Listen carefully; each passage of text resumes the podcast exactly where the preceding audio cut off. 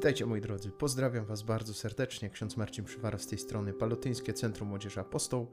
Jesteśmy już w 20 rozdziale Ewangelii Świętego Jana. Czytamy dalej i chcemy Cię, Panie Jezu, słuchać, byś rzeczywiście tworzył z nas swoich uczniów, prawdziwych, przejrzystych, świadczących o Twojej miłości w imię Ojca i Syna i Ducha Świętego. Amen. A pierwszego dnia po szabacie, wczesnym rankiem, gdy jeszcze było ciemno, Maria Magdalena udała się do grobu i zobaczyła kamień odsunięty od grobu. Pobiegła więc i przybyła do Szymona Piotra i do drugiego ucznia, którego Jezus kochał, i rzekła do nich: Zabrano pana z grobu i nie wiem, gdzie go położono. Wyszedł więc Piotr i ów drugi uczeń i szli do grobu. Biegli oni obydwaj razem, lecz ów drugi uczeń wyprzedził Piotra i przybył pierwszy do grobu. A kiedy się nachylił, zobaczył leżące płótna, jednakże nie wszedł do środka. Nadszedł potem także Szymon Piotr, idący za nim. Wszedł on do wnętrza grobu i ujrzał leżące płótna oraz chustę, która była na jego głowie, leżącą nie razem z płótnami, ale oddzielnie, zwiniętą na jednym miejscu. Wtedy wszedł do wnętrza także i ów drugi uczeń, który przybył pierwszy do grobu. Ujrzał i uwierzył. Dotąd bowiem nie rozumieli jeszcze pisma, które mówi, że on ma powstać z martwych. Uczniowie zatem powrócili znowu do siebie. Maria Magdalena natomiast stała przed grobem płacząc, a kiedy tak płakała, nachyliła się do grobu i ujrzała dwóch aniołów bieli, siedzących tam, gdzie leżało ciało Jezusa. Jednego w miejscu głowy, drugiego w miejscu nóg. I rzekli do niej: Niewiasto, czemu płaczesz? Odpowiedziała im: Zabrano pana mego i nie wiem, gdzie go położono. Gdy to powiedziała, odwróciła się i ujrzała stojącego Jezusa, ale nie wiedziała, że to Jezus. Rzekł do niej Jezus: Niewiasto, czemu płaczesz? Kogo szukasz? Ona zaś, sądząc, że to jest ogrodnik, powiedziała do niego: Panie, jeśli ty go przeniosłeś, powiedz mi, gdzie go położyłeś, a ja go wezmę. Jezus rzekł do niej: Mario.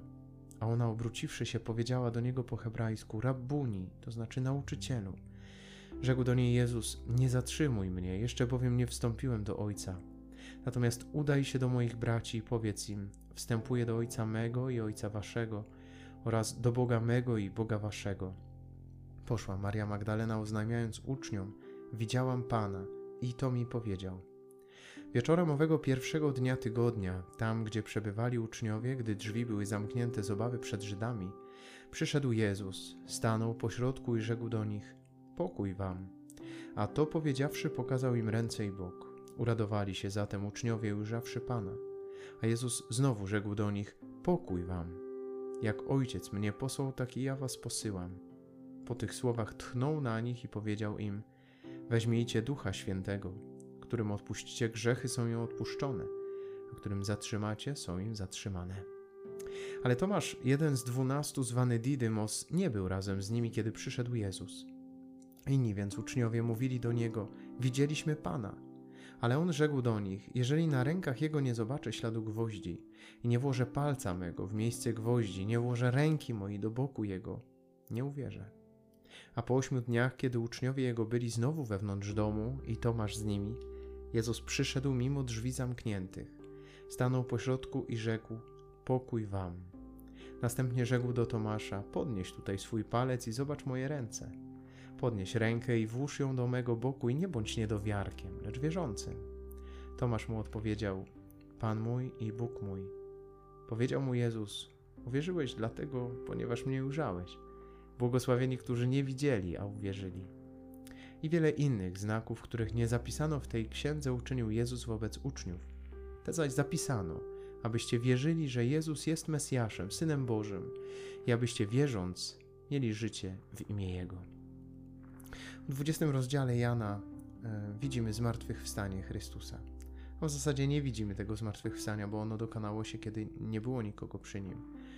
Ale widzimy zmartwychwstałego Pana, i to jest obraz Jezusa tak samo ważny dla nas, jak e, Jezusa umęczonego na krzyżu, gdzie podejmuje ofiarę krzyżową z miłości. Tutaj widzimy Jezusa zwycięskiego, pokonującego śmierć. I to jest e, istotne dla nas, bo my na co dzień spotykamy się ze śmiercią. Z tą fizyczną, kiedy umiera ktoś z naszych bliskich, gdzie w telewizji słyszymy non-stop o tym, że ktoś umarł, ale też ze śmiercią naszego życia, z grzechem, z jakąś beznadzieją, niepoukładaniem. Jezus wychodzi z grobu śmierci. On łamie pieczęć śmierci, ożywa, po to bym i ja ożył razem z nim. Pozdrawiam Was, moi drodzy, bardzo serdecznie. Dobrego dnia. Trzymajcie się. Ksiądz Marcin Przywara, Palotyńskie Centrum Młodzieży Apostołów.